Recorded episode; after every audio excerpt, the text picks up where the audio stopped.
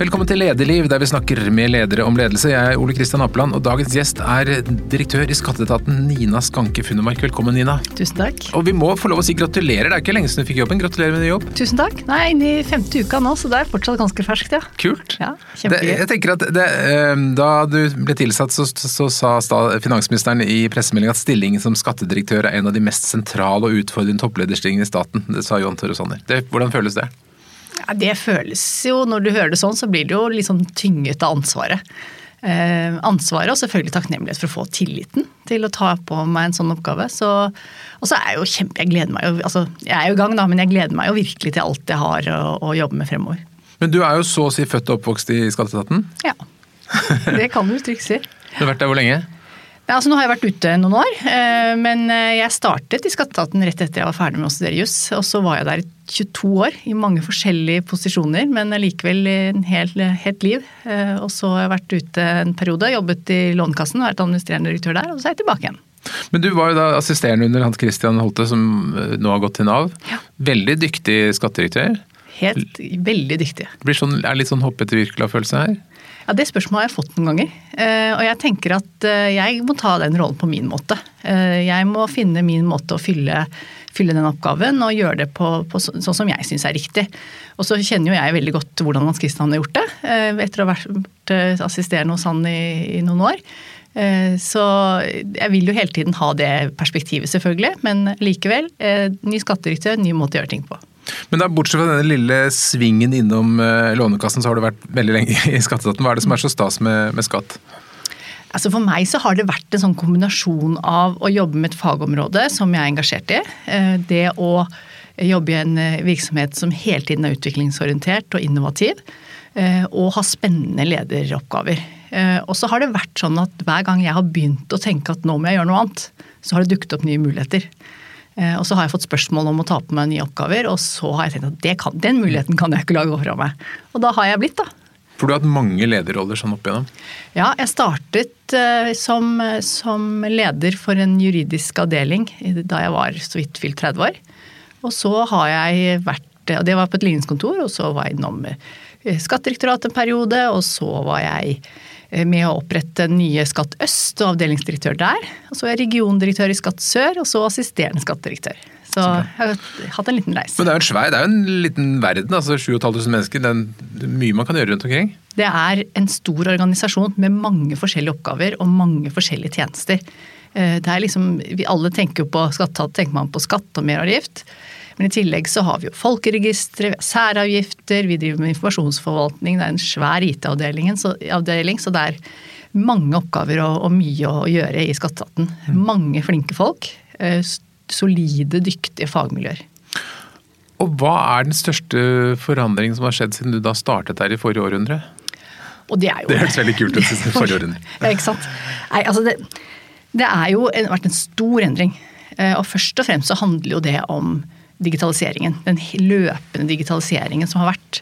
Og som man kanskje kan glemme litt når man sitter midt i det eh, og jobber med det. Men når du begynner å se tilbake på hvordan vi håndterte selvangivelsene da jeg startet Jeg var jo med på å sitte og punche de manuelle selvangivelsene som kom på papir, og punche det inn i, inn i datasystemene. Eh, Mens nå så er går det jo forhåndsutfylt og, og og det går helautomatisk veldig mye. Eh, Så det er klart, det har vært en stor, stor endring. Men i tillegg så er det også mye måten vi organiserte arbeidet internt har også endret seg veldig. Fra å være ligningskontor i hver kommune, fylkesskattkontor og skattefogdkontor og skattedirektorat, de første av å bli fem regioner, til nå å bli en, en landsdekkende organisering med landsdekkende divisjoner.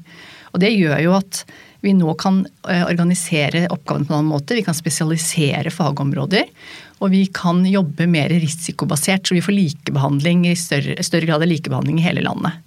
Så det har vært en, en stor reise hvor digitalisering har gitt muligheten, organisering har lagt til rette, og så er det menneskene du da skal ha med deg for å få denne måten å jobbe på. Og det siste nå var at eh, de på gamle kemnerkontorene ble slått inn i skatteetaten fra 1.11. Fra 1.11 så ble de kommunale skatteoppkreverne en del av skatteetaten. Eh, Og da er Så også nå er det samlet i ett rike.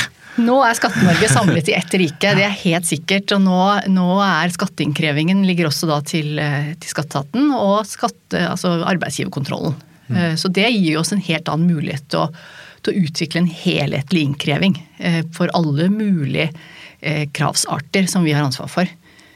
Som vi da kan jobbe videre med å effektivisere og legge til rette for at det blir enklere for de som, som skylder penger. Mm. Og så blir, blir arbeidsgiverkontrollen også mer integrert i den øvrige kontrollvirksomheten vår. Men Betyr det også at dere, at dere blitt færre steder? Er de samlet mer fysisk? Nei, vi har ikke gjort noen endringer på fysisk arbeidssted. Det har vi ikke gjort. Eh, men klart, vi har jo blitt, ikke i denne runden, men opp gjennom årene så har vi jo blitt på færre steder.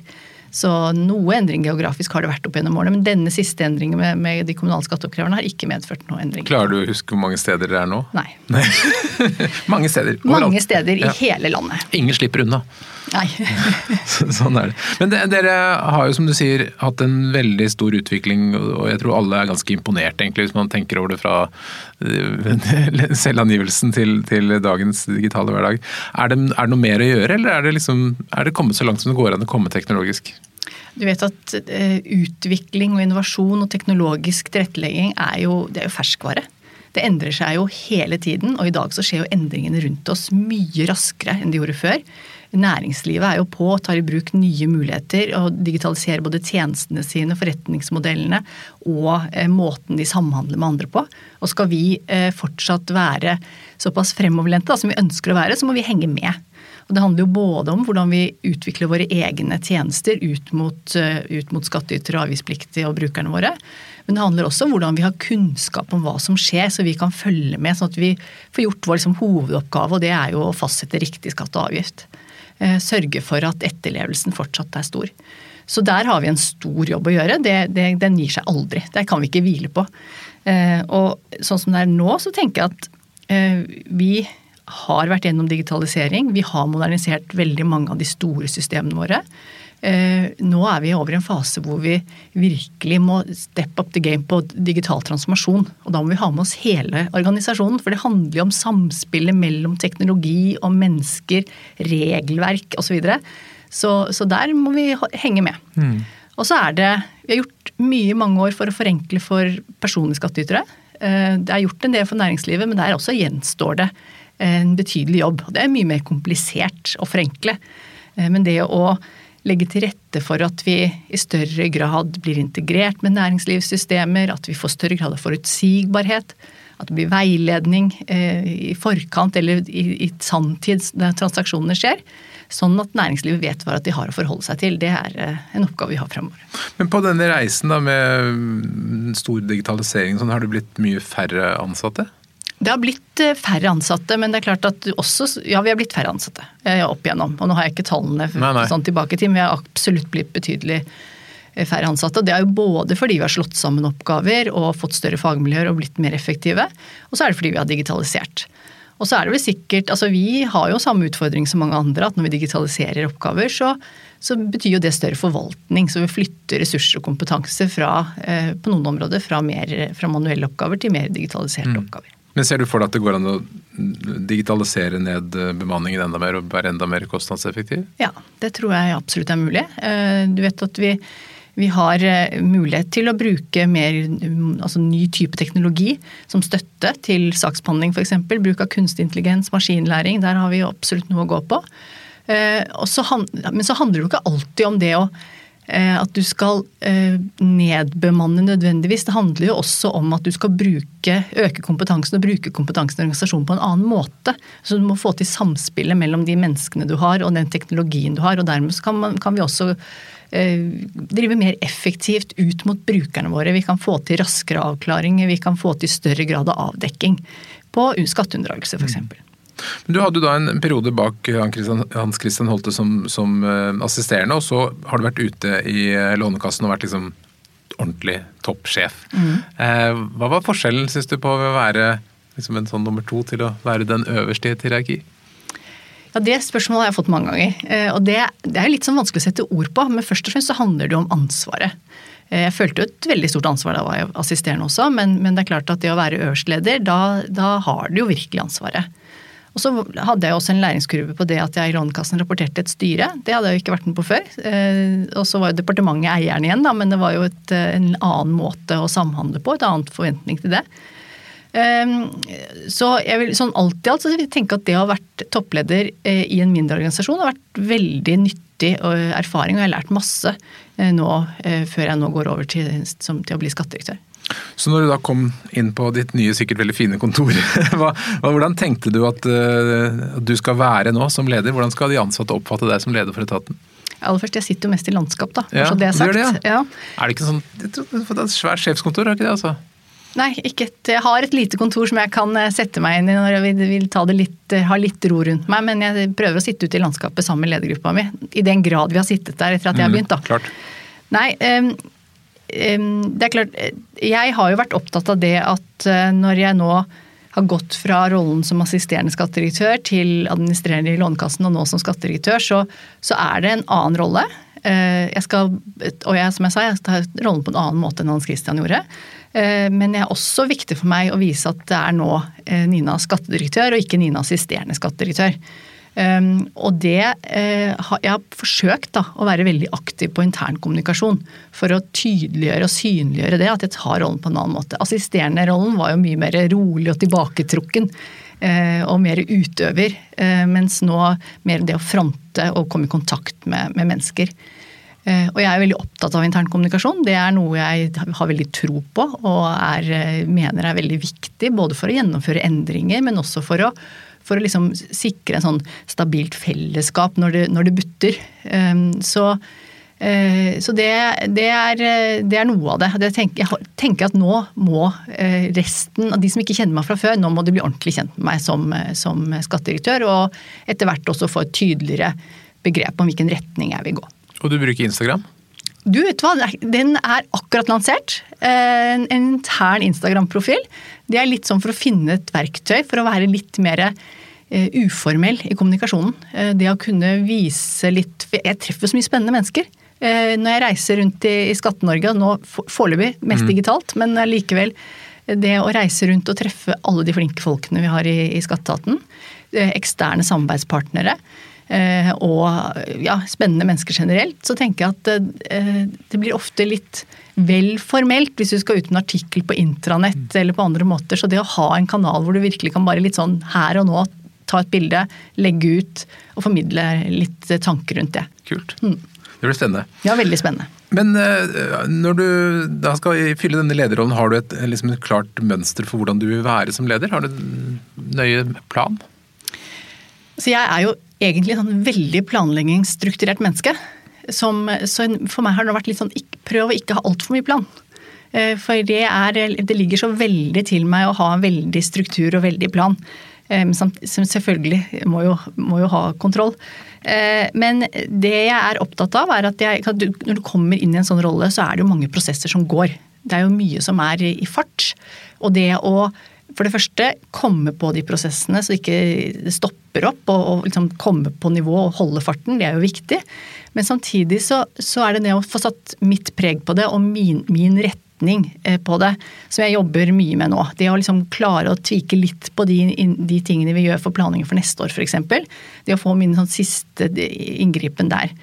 Og så er det det å med alle de aktiviteter som skjer, og alle de på en måte altså Kalenderen min var jo full før jeg begynte.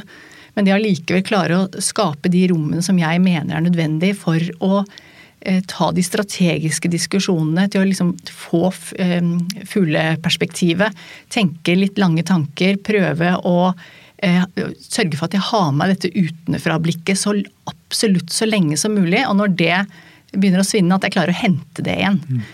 For det tenker jeg er mine viktigste roller nå. Det er å, å passe på at vi ja, kjører de store prosessene våre videre, men vi må stoppe opp og sørge for at vi hele tiden vet at vi gjør det på riktig måte. At vi justerer, at vi, at vi har et felles forståelse av retning. At vi er felles kommunisert og i fellesskap rundt de tingene vi gjør. Du har jo et, det er en åremålsstilling på seks år. Ja. Er det en bra ting, det at du får liksom en ramme på seks år? Ja, jeg, jeg, tenker egentlig ikke så mye på det, for jeg tenker at jeg skal ha en, en Jeg skal gjøre en jobb her og nå og jeg skal gjøre en jobb for fremtiden. Og jeg skal rigge sånn at skatteetaten Altså jeg overtok en skatteetat som fungerte godt, og jeg skal levere fra meg en skatteetat som fungerer godt.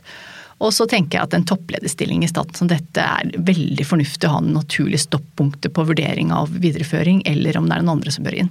Men har du et klart ambisjonsnivå hva du skal oppnå på de seks årene? Det, det eh, holder jeg jo på å tegne meg nå. Mm. Eh, jeg har sagt at selv om jeg kjenner skatteetaten godt, så, så, går jeg nå inn som om jeg er ny. Eh, selv om jeg ikke klarer å selvfølgelig ha jo med meg historien, selv om det er et stort hull der, da. men Ehm, så, så, vil jeg nå bruke litt tid, eh, et par-tre uker til, på å, eh, på å gjøre meg opp et bilde før jeg setter den, den eh, mm. ordentlige retningen. Men jeg har jo begynt å få noen tanker, det er ikke noe tvil om det. Men ut fra din erfaring, hva skal til for å gjøre endringer? Altså Hvis du finner ut noe at du vil forandre på det eller det, hva er liksom suksessoppskriften på å få til en god forandring? Jeg har vært med på mange omstillinger i Skatteetaten. Ehm, og det er jo ikke noe fasitsvar, men det er noen ting som, som, er gjennomgående. Og det er at uansett om det er endring som løses ved digitale prosesser, eller enda omorganisering eller kompetanseløft, så handler det til syvende og sist om to viktige ting. Og det ene er at det er mennesker i organisasjonen som skal endres. Og når det er mennesker, så handler det mye om kultur og stolthet for fagområdet sitt. Eh, og så skal vi endre oss sånn at vi kan levere enda bedre tjenester ut til, til eh, skattytere og brukere. Um, og det å virkelig forstå da, begge deler. Forstå hva er det som, som uh, jeg må ta vare på i, i, organisasjonen. Hva må jeg ta vare på, hva må vi endre på, og skape det felles opplevelsen eller felles forståelsen av det. Og det å virkelig forstå hva er det vi, er det vi trenger å levere ut. Um, og så er det sånn at I den type endringsprosesser så er det veldig ofte sånn at toppledelsen eller et prosjekt man rigger eller en kombinasjon av det, eh, snakker veldig mye om liksom, Vi setter en retning, det er jo helt avgjørende at du har en klar formening om hvor du skal. Eh, vi snakker om ulike måter å bevege oss dit. Vi er gjennom ulike faser, og vi har diskutert ulike problemstillinger opp og ned. Og så skal vi ut og kommunisere både retning og hvordan vi skal gjøre det, og så snakker vi med mennesker som eh, kanskje hører det én gang. De mm. får med seg halvparten av det du sier. Eh, og Eh, har et helt annet bakgrunnsbilde enn det vi i ledelsen har. Så det å lytte er jo helt avgjørende, men også det å gjenta budskapet til du blir helt trøtt av det. Der har jo du Instagram, da. Nå er Instagram, så nå kan jeg gjøre det på den måten. Men nå tenker jeg jo at den store omorganiseringen som skjedde i Skatteetaten for et eh, par år siden, den er jo ikke over. Så altså, jeg skal ikke begynne å flytte bokser og de tingene, men det er jo en, en organisasjon som virker, implementering her som virkelig må må jobbes med videre og sette seg. og Også det budskapet må vi bare gjenta. Teknologi er jo helt eh, avgjørende i den reisen dere gjør. I hvilken grad eh, gjør dere ting selv, og i hvilken grad har dere satt arbeidet med IT ut vi har jo en stor egen IT-avdeling som gjør veldig mye selv. Og vi er jo opptatt av å ha solid kunnskap internt, og i alle omstillingsprosesser, enten det er med teknologi eller ikke, så er vi opptatt av å bruke de beste folka vi har internt. De skal eie det, og de skal vite hva vi gjør, og de skal ha, eh, ha ansvar og retning for det. Eh, men så hender det jo selvfølgelig at noen ganger så trenger vi enten spisskompetanse, eller vi trenger å fylle på med litt ressurs og kapasitet. Og da, da henter vi utenfra. Men eh, alt vi gjør av utvikling er drevet av, eh, av egne folk. Så du tenker det er den beste oppskriften at etaten eier sine egne IT-avdelinger? Er, den beste oppskriften er nok å ha en kombinasjon. Altså, selv om du eier en egen IT-avdeling, så kan du kjøpe tjenester eller, eller hente inn konsulenter. men men eh, må, det er vi som har ansvaret. Vi må vite hva vi gjør. Og selv om vi skulle kjøpe en tjeneste utenfra, så må vi ha folk internt som vet hva det handler om, og som vet hva de gjør. Vi, kan ikke, vi, må, vi må ha solid eh, fagkunnskap om, eh, om tjenestene, de store tjenestene som vi leverer ut til skattytere. Når vi skal fastsette riktig skatt og vi skal kreve det inn, så er jo ikke det Du kan jo ikke velge å være kunde hos skatteetaten. Du, du må jo ikke sant, du må forholde deg til hva vi, hva vi, hvordan vi forvalter det, og da skal vi ha solid kunnskap om det. Men det krever også litt kunnskap fra, fra skattyterne også. Er det en utfordring at ikke alle er så teknologisk oppegående og klarer å bruke alle tjenestene digitalt? Nå opplever jo vi at Eh, personlige skattytere er eh, alt i alt veldig dyktige på å bruke de tjenestene vi har. Og det, og, og det å søke om skattekort eller uh, levere skattemeldingen sin og, gjøre de, eller betale tilbake en eventuelt restskatt. Så alt i alt så er vår opplevelse at det fungerer godt. Vi får gode tilbakemeldinger på det. Eh, så er det jo selvfølgelig alltid en gruppe som kan slite mer enn andre, og, og det er jo en gruppe vi møter da. Enten eh, fysisk på kontoret, men aller helst da på telefon eller chat eller noe sånt. Så vi har, eh, vi har vi har en del, vi har, altså vi har masse veiledning mm. utover, utover, de digitale tjenestene. Men sånn de aller fleste klarer seg. Det skal fortsatt være mulig å komme og møte en person? hvis man vil? Ja, har, akkurat nå har vi jo, må du avtale ja, foran. Eh, og vi har noen, to oppgaver som er pliktig oppmøte, men ellers så ønsker vi jo å ha, gjøre mest mulig via andre kanaler. Mm. Hva blir de store dilemmaene for deg som leder i den perioden? Det tror jeg, jeg blir jo sammensatt, men, men, det handler til syvende og sist om det helt sånn overordnede forhold mellom eh, forvaltning av dagens systemer. Det å sørge for at vi Eh, at eh, merverdihetsoppgaven blir handlet effektivt, at vi har god kvalitet på, på, klagebehandlingen vår, altså alt det vi gjør i dag. Eh, med det å hele tiden sørge for at vi utvikler oss, så vi kan møte morgendagens skattytere og brukere også. Men Hvor henter du da inspirasjon og kunnskap fra utenfor etaten? Altså jeg har jo et, et, nettverk med andre ledere og kontakt med andre ledere. Og jeg er jo veldig, veldig Syns det er veldig gøy å diskutere med andre som har står i samme roller og samme posisjoner. Eh, enten er innenfor, eh, innenfor samme, også etater under samme, samme departement mm. eller andre steder, eller private. Så der henter jeg jo mye inspirasjon. Men så er jeg, jeg er veldig genuint opptatt av å hente ting fra egne rekker. da. Få snakke med folk og snakke med, med de som kan det.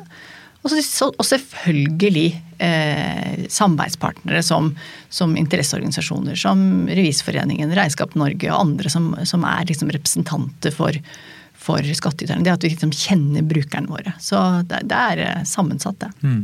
Hvordan står det til med den norske skattyteren? Betaler man fortsatt sin skatt med glede, stort sett? Ja, Om alle betaler med glede skal ikke, jeg, skal ikke jeg eh, uttale meg om. Men eh, vi opplever jo at vi har et veldig god tillit i befolkningen. Eh, og, og godt omdømme. Så det er jo bra, og det er viktig. Altså tillit, At skatteetaten har god tillit i befolkningen er jo helt avgjørende. At de har tillit til måten vi forvalter skattesystemet på, og at de har tillit til måten vi håndterer den enkeltes selvangivelse. Og så opplever jo vi at eh, de aller fleste eh, ønsker å gjøre det riktig. De ønsker å ta sin del av det ansvaret som, som pålegger de, og tilstreber det i størst mulig grad. Det blir vel også kanskje vanskeligere og vanskeligere ikke gjøre det? Det er gode kontrollsystemer? Ja da, det er klart de gjør jo det. Vanskeligere og vanskeligere. Men samtidig så, så vi jo, ser vi jo at folk setter pris på det når vi ønsker å veilede i forkant i stedet for å gå på kontroll i etterkant. Men, men, skal vi opprettholde tilliten, så må vi ha den balansen. Vi må jo både sørge for at de som ønsker å gjøre det riktig, at, de, at det er så enkelt som mulig for de, at vi har forutsigbarhet i, i våre vurderinger, eh, at det er gjennomsiktig og, og lett tilgjengelig, med at vi eh, gjennomfører målrettede kontroller eh, mot eh, områder, bransjer, temaer som det er, vår, det er ønske, eh, bevisste ønsker om skatteunndragelse. Og Nå kommer jo straks da skattelistene hvor det kommer i avisen at den og den tjente så og så mye og eier så og så mye osv. Er det en særnorsk ting, det at vi legger ut eh, lister på den måten? Ja, det er jo ikke mange land som gjør det sånn som oss. Og så har det jo det blitt forandring gjennom årene også, så den er jo ikke like åpen lenger nå som den var før. Eh, men det er en del av norske kulturen og norske åpenheten. Hva tenker du om det? Jeg tror at eh, åpenhet skal vi verdsette høyt. Og så tenker jeg at at eh, dette er en ordning som har eh, utviklet seg over tid, og så er det jo andre enn meg som egentlig skal ta stilling til om dette er en god ting. Eh, så ja, jeg lar det være med det. Men gir de tallene et godt bilde av hvordan folks økonomi faktisk er? Jeg tror nok alle som kan skattesystem vet at det er mer som ligger implisitt i, en, i en, et skatteoppgjør enn en de tallene som kommer ut. Men det er jo helt avhengig av hvor komplekse forhold man har. Mm. Og så står det så kan man gå inn og sjekke naboen osv., men da må man legge navnet sitt. Mm. Er det mange som gjør det? Er det mange som sjekker andre? Eh, det er jo en del, eh, del, som gjør det. Altså Hvert år så gjøres det rundt 1,6 millioner søk i skattelistene på skatteetaten.no. Mm. Og det, eh, det, er da fordelt på ca. 500 000 unike innlogginger. Så det, er jo, det, er jo, en del. En halv million Nei, det kan være forskjellige flere som logger flere ganger, da, men det er ganske mange mennesker som sitter og kikker. Ja. 500 000 unike innlogginger, da. Mm. Så det, og mye av det er jo presset. Det er ikke noe tvil om det. Og så er det vel da noen andre. Tror du det er bra? At det bidrar, Er det positivt i forhold til skattemoral og holdning til skatt? Det tenker jeg at det, det, Den vurderingen tror jeg andre skal, andre skal, ta. Jeg tror at uh, åpenhet er som sagt en viktig del av norsk kultur, og, og det tror jeg dette er en del av. Mm. Skatt er jo et tema som vi allerede nå begynner å ane blir et stort tema i neste års valgkamp. Mm. Når du hører politikere komme med det ene forslaget etter det andre med ulike ting, det, hva tenker du? Er det, er det godt nok fundert? Altså det vi er opptatt av, er jo selvfølgelig at, eh, at, det er gode grunnlag, og at vi hele tiden skal jobbe med å gi eh, de som tar de politiske valgene så godt funderte faglige grunnlag som mulig, sammen med, sammen med Finansdepartementet. Og så er, eh, er jo vi ikke minst opptatt av at vi hele tiden skal være forberedt på hva som kommer, sånn at vi kan få implementert det i våre systemer, og at vi kan få lagt til rette for å forvalte det. Og Det er vår hovedoppgave uansett av hva som kommer ut av de politiske prosessene. Så når du hører utspillet, så tenker du først og fremst hvordan skal vi klare å beregne det? Jeg tenker jo på hva, hvor mye krever det oss, ja. Ja, for det, Vi har jo lest i Dagens Næringsliv sist om uh, næringslivsfolk som flytter til en kommune i Nord-Norge som har laget lavere formuesskatt. Hva tror du om den utviklingen? Nei, vet du hva, den, den, debatten her tror jeg skal holde meg langt unna. Jeg sitter som skattedirektør ansvarlig for å forvalte det regelverket som, uh, som blir besluttet politisk. og enten det er Eh, det ene eller det andre, så skal vi sørge for Men du kan kanskje svare på om dere er rigget for å kontrollere hvor mange dager folk holder seg i hjemkommunen? Det, vi er rigget for å ta den delen av kontrollarbeidet som vi skal gjøre, helt klart. For Det blir en spennende utvikling å se om vi får skatteparadiser rundt omkring langs eh, kysten i Norge. Ja, absolutt.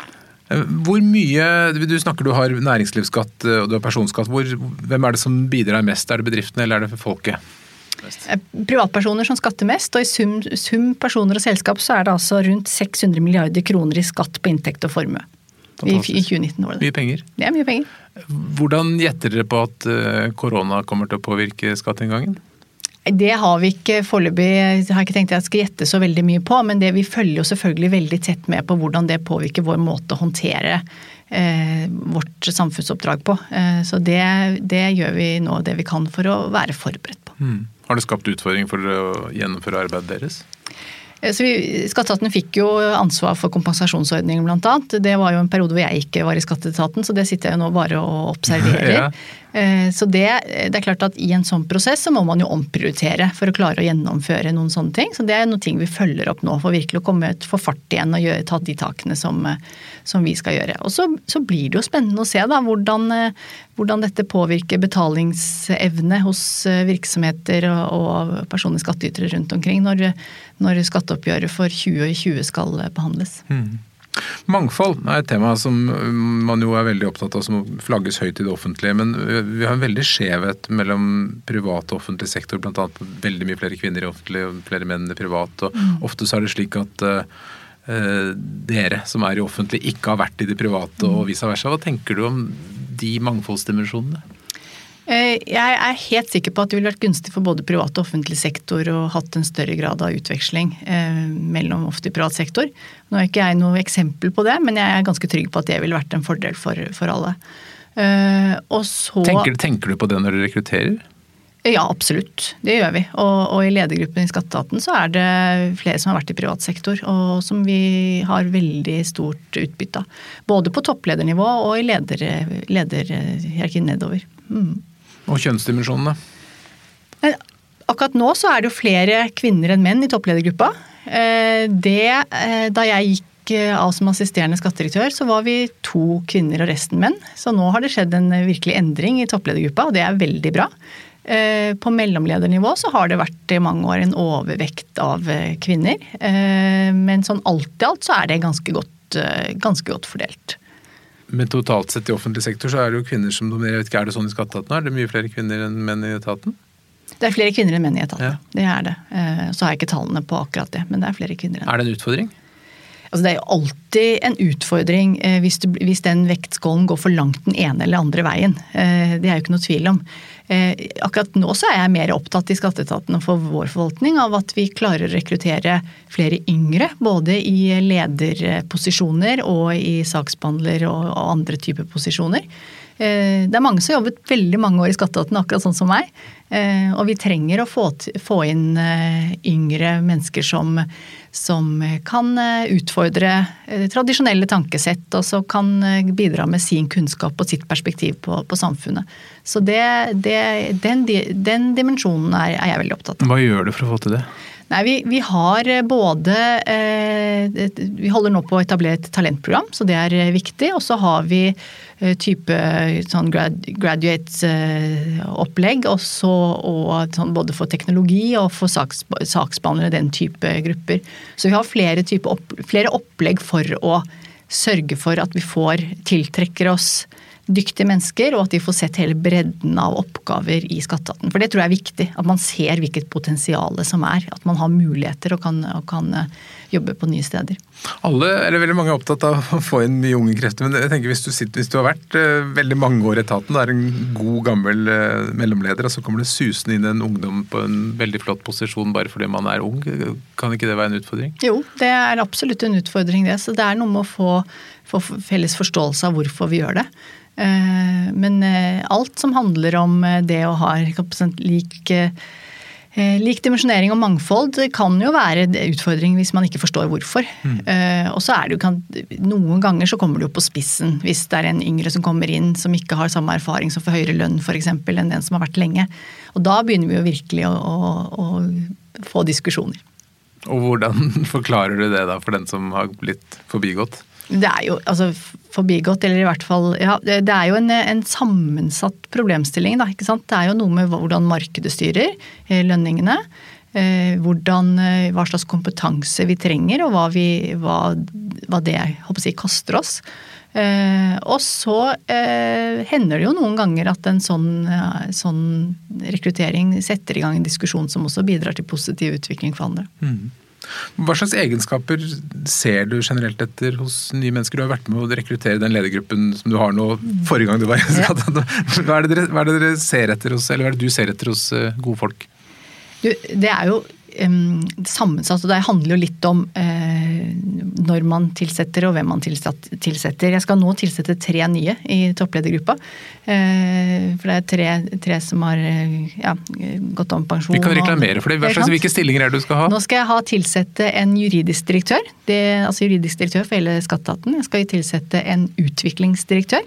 Og så skal jeg tilsette en direktør for divisjon innsats. Oi. Så det er tre Hva er divisjon innsats for noe? Divisjon innsats de har ansvar for å eh, alle de, de, de, områdene som vi vurderer som høy risiko for eh, manglende etterlevelse av skatte- og avgiftsregler. Eh, de, der hvor vi må sette inn ekstra virkemidler. Ansvar, I tillegg så har de ansvar for storbedrifter og oljeskattekontoret ja, og skattekriminalitet. Og det er et veldig veldig spennende, spennende divisjon. En stor divisjon. Og Hvilke egenskaper bør de ha, de som skal søke der? Nei, for det første så må det være eh, personer som har, eh, har ledererfaring, selvfølgelig. Eh, som evner å koble mellom det strategiske og strategiske nivået, som må være en toppledergruppe i Skatteetaten. Men, og sørge for at man sørger, har utvikling og utviklingsperspektiv i egen divisjon. Men så har de også ansvar for det operative altså innsats og utvikling, da. Også ansvar for det operative ansvaret. Det å sørge for at det fungerer helt ut i ytterste ledd. Eh, så det å klare å kombinere dette, det er viktig. Eh, jeg er opptatt av eh, å tilsette mennesker som er lyttende og nysgjerrige og åpne for innspill. Som er utviklingsorienterte, som klarer å tenke både hvordan løser vi oppgavene i dag, og hvordan løser vi det på lang sikt. Og så er jeg jo selvfølgelig opptatt av sammensetning av ledergruppa. At jeg klarer å få til riktig balanse mellom si, både kjønn og alder, men også personlige egenskaper. At vi utfyller hverandre og utfordrer hverandre. Så eh, det er mange, mange, elementer når man skal tilsette nye ledere. Det blir veldig spennende, Men det er vel noe av det viktigste du gjør òg? Ja, uten tvil. Eh, og det, det, går jeg ordentlig inn i, for det er jeg veldig opptatt av at blir eh, solide tilsettinger. Hvordan ser en sånn prosess ut? Nei, altså Første runde nå så har jeg startet med å Jeg må få liksom litt oversikt over hvordan de ulike avdelingene eller divisjonene fungerer. Eh, er det ansvarsområdet, det de er satt til å gjøre, er det riktig? Eh, bør jeg gjøre noen justeringer på det? Eh, bør jeg gjøre noen presiseringer? Hva er det som er utfordringene i det ansvarsområdet, og hva er det, hva er det som fungerer bra? Hva er det jeg ønsker å få til fremover? Og få til en god beskrivelse av det ansvaret. Eh, og så eh, bruker jeg jo eh, rekrutteringshjelp både fra HR-avdelingen internt, men også eksternt, for å finne gode kandidater til, til de søkerne. Og så er det ha gjentatte samtaler for virkelig å være sikre på at, at jeg er trygg på at jeg har tilsatt den riktige, og på at de som, som skal inn i rollen, er trygge på at de ønsker å samarbeide godt med meg. Tør du ta noe som ikke har vært i offentlig sektor? Ja, Absolutt. Gjorde det i forrige runde. Det er spennende. Ja, det er veldig spennende. Og jeg tenker at i, i flere av disse stillingene så tror jeg både Jeg tror egentlig alle de tre stillingene skal lyses ut nå, så er det veldig aktuelt for, for personer i, i, privat sektor. Opplever du at skatteetaten er en attraktiv eh, arbeidsgiver? Jeg opplever at det er en veldig attraktiv arbeidsgiver, og vi har solide søkere når, de gangene vi lyser ut. Du har kanskje ikke helt grunnlag, eller jo, du bør kanskje kunne svare på det, om det har forandret seg under korona. Jeg har hørt at det er en litt sånn dra, økt dragning mot offentlig sektor blant arbeidstakere nå som følge av korona? Har du merket noe til det? Nei, det kan jeg vel egentlig. Har jeg, ikke, har jeg ikke undersøkt hvordan det har endret seg på søkemassen. Altså er, jeg er jo ikke på mer enn femte-sjette uke her, så det har jeg ikke helt oversikt over. Men det er jo ikke helt uh, unaturlig. Er det, mm, Hvis du skulle gi tre råd til en ung person, hvis det kom en ungdom til deg og sa jeg vil bli leder, Nina, jeg vil bli sånn som deg. Hvilke tre lederråd vil du gi for å bli en god leder? Å bli en god leder? Oi, det er Kanskje jo... hvis du møtte deg selv første gang før du fikk lederjobb? Hvis jeg møtte meg selv første gang før jeg fikk lederjobb? Ja, altså jeg tror, tror, En av de tingene som jeg har gjort selv, og som jeg tror er veldig viktig, eh, det er å ta de mulighetene man får. Eh, det å eh, ikke begynne å stille Hvis det er noen andre som tror på deg, så skal du tro på deg selv. Selvfølgelig skal du gå inn i det på en seriøs måte, og du skal liksom virkelig ta tak i oppgaven, men, men det å eh, ta de mulighetene som kommer. Og så kan det hende at det ikke er riktig, men da er det alltid en mulighet til å trekke seg eller gjøre noe annet. Eh, så det å ta, ta mulighetene, og så er det jo noe med å gjøre en god jobb, da. Når du er der du er. Det å liksom passe på at i den posisjonen du er, så skal du levere. Eh, da skal du uh, finne nye måter å gjøre det på. Du skal liksom sørge for at du går inn i det på en solid måte, at du leverer fra deg en solid stykke arbeid. Ehm, så det er, det er sånn to, to, viktige oppgaver. Og så er det i det jeg har vært opptatt av når jeg har ehm, flyttet meg, det er å ehm, lytte til tilbakemeldinger. Og kanskje aller mest lytte til de gangene du får eh, kritikk eller blir utfordret. Eh, eller noen stiller spørsmålstegn ved måten du gjør ting på. Det er Altså, jeg kan ha blitt irritert og frustrert og egentlig hatt lyst til å ikke høre på mange mennesker mange ganger, jeg, når jeg har fått den type kritikk. Men jeg har liksom fått det litt på Litt sånn um, Satt meg ned og tenkt på det, så er det jo de tingene jeg har lært mest av. Jeg har virkelig gått inn i og prøvd å tenke på hvordan opplevde disse menneskene meg i denne situasjonen. Hvordan var jeg da? Og hvis man klarer det, så tror jeg man kommer langt. Bruker du mye tid til å tenke? Eh, prøver i hvert fall. Jeg tror det er viktig. Eh, ikke som sagt finne den rette balansen mellom det å være en del av disse løpe, sånn, prosessene og møtene og alt som skal skje hele tiden. Og finne de rommene hvor du, man kan sette seg ned og reflektere og, og tenke litt på nye ting. Klarer du det i arbeidsdagen, eller må du på golfbanen? I golfbanen prøver jeg å tenke på alt mulig annet enn en skatteetaten. Hvis jeg tenker på skatteetaten, så går det skikkelig dårlig på golfbanen. Mm. Så det er vel egentlig den arenaen hvor jeg prøver å koble helt ut. Eh, men jeg gjør det jo på altså jeg, Lager du deg liksom tanker om i hverdagen? Ja, jeg, jeg prøver jo liksom å gå turer og komme meg ut og gjøre andre ting. Eh, frisk luft er jeg veldig opptatt av. Og jeg, liksom, jeg pleier å si jeg er ikke veldig god i noe, men jeg gjør alt veldig mye litt sånn halvveis. Så av sånne fritidsaktiviteter. Så det å turer, gå på ski, eh, på sjøen, sånne ting. Og virkelig bruke det som arena til å, til å tenke og og da hender det jo at ting bare ramler ned uten at du egentlig tenker på det. Eh, at du finner løsninger og andre innganger. Hva er det du gleder deg mest til å få tilbake igjen etter at koronaen er forsvunnet? Og det er jo menneskene.